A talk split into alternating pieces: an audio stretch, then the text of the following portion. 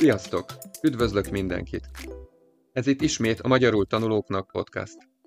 Jó szórakozást és stresszmentes tanulást a www.patreon.com per csőszapa 72 oldalon található feladatok elvégzése során is.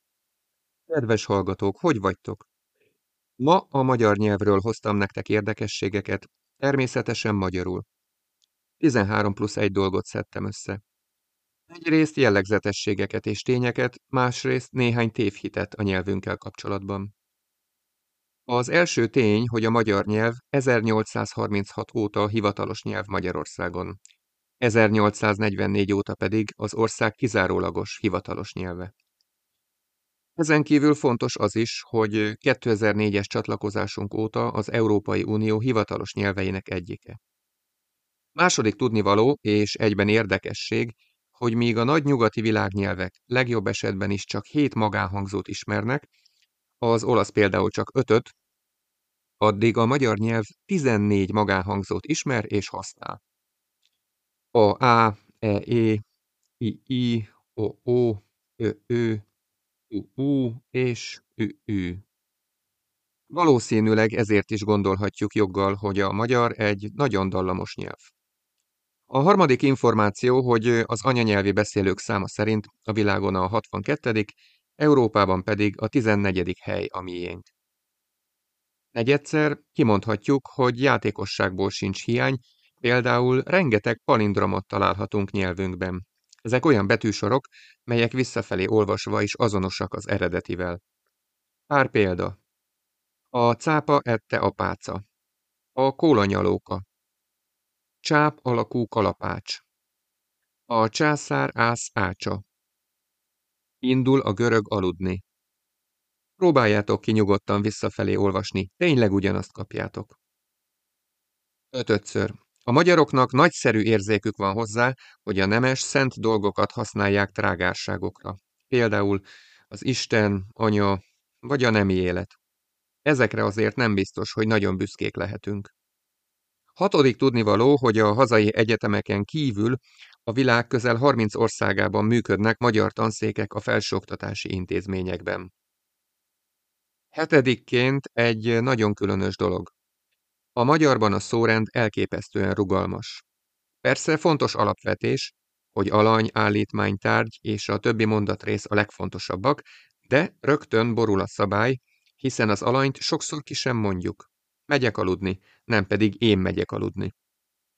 A egyéb határozók is szerepelnek, például én megyek aludni minden este 11-kor a saját szobámba, nos, ez nem túl magyaros mondat, hiszen kimondtam az alanyt, az én szót, ellenben elmondok néhány variációt, én nélkül és különböző szórendben. Minden este 11-kor megyek aludni a saját szobámba. Aludni megyek minden este 11-kor a saját szobámba. Tizenegykor megyek aludni minden este a saját szobámba. A saját szobámba megyek aludni minden este tizenegykor. A nyolcadik és kilencedik dolog összefüggnek. Egyrészt jellemzőek a hosszú szavak, például fegyverletétel, elmérgesedés, sebességkorlátozás, átalakíthatatlanságával, megfélemlíthetetlenül. A magyar szavak pedig azért lehetnek nagyon hosszúak, mert nyelvünk tudományosan szólva agglutináló nyelv, ami azt jelenti, hogy különböző nyelvtani elemek hozzáadhatók egy-egy alapszóhoz. Ezek lehetnek ragok, toldalékok, jelek. Így persze megváltozik a szó jelentése, illetve szófaja is. Példa, alapszó, magyar. Majd a képzett szavak, magyarul, magyaráz. Megmagyarázhat megmagyarázhatatlan, megmagyarázhatatlanul. Vagy egy másik alapszó, szent, szentség, megszentségtelenít, megszentségteleníthetetlen. Tizedikként kezdjük az ugyancsak elterjedt hiedelemmel, hogy a magyar egy megtanulhatatlan nyelv, de legalábbis szerepel a világ öt legnehezebb nyelve között. Talán a tárgyas igeragozásunk lehet különlegesség. Eszek vagy eszem. Az egyéb nehézségek más nyelvekben is előfordulhatnak.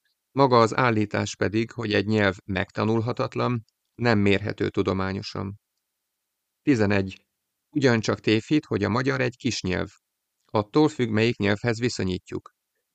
Jóval kevesebben beszélik, mint például az angolt, de jó tudni, hogy a világ 7000 nyelve közül minden másodikat kevesebb, mint 3000 ember beszéli.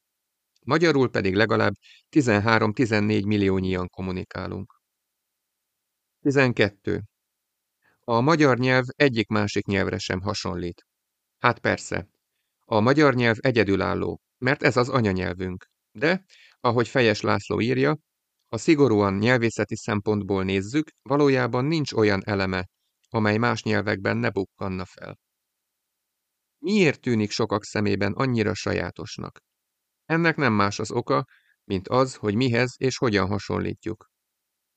A legtöbb ember, aki ismer két-három európai nyelvet, úgy érzi, ezek az igazi nyelvek. Azaz a nyelvek általában olyanok, mint az általa ismertek. Ismeri a magánhangzó harmóniát az angol, a francia, a német vagy az orosz. Na ugye? Ez a magyar különlegessége. Hangzik az érvelés. Persze a német is mondhatná, hogy a névelőt nem ragozza sem az angol, se a magyar, az oroszban nincs is. A franciában meg ugyan jelölheti a nemet és a számot, de az esetet ott sem. A német tehát egy különleges nyelv. Az angol is sajátosnak mondható abból a szempontból, hogy rendkívül gazdag a magánhangzó rendszere. Az orosznak is különleges vonása, hogy szinte minden mással hangzó, kemény, lágy párokba rendeződik. Míg a nyelvek jelentős része az ilyen szembenállást nem is ismeri. Nincsenek bennük ny, ky, gy-szerű hangok. Azt, hogy milyen nyelvi jelenségeket tekintünk különlegesnek, nagyban meghatározza, hogy mennyire ismert vagy éppen egzotikusnak tartott nyelvekben fordulnak elő írja a nyelvész. 13. Téves az a széles körben elterjedt hit, hogy a világ leghosszabb szava a magyar megszentségteleníthetetlenségeskedéseitekért. Mert ettől állítólag létezik sokkal hosszabb szó is, például a dán nyelvben. De azt most nem mondom ki. Végül a plusz egy állítás legyen egy idézet Kosztolányi Dezsőtől, természetesen a nyelvünkkel kapcsolatban. Az a tény, hogy anyanyelvem magyar, és magyarul beszélek, gondolkozom, írok. Életem legnagyobb eseménye, melyhez nincs fogható. Nem külsőséges valami, mint a kabátom, még olyan sem, mint a testem. Mélyen bennem van, vérem csöpjeiben, idegeim dúcában, metafizikai rejtéként. Mára ennyi volt, kedves hallgatók. Magyarul tanulóknak készített Patreon felületen megtalálod a szöveg átiratát, hozzátartozó feladatokat és megoldásokat is.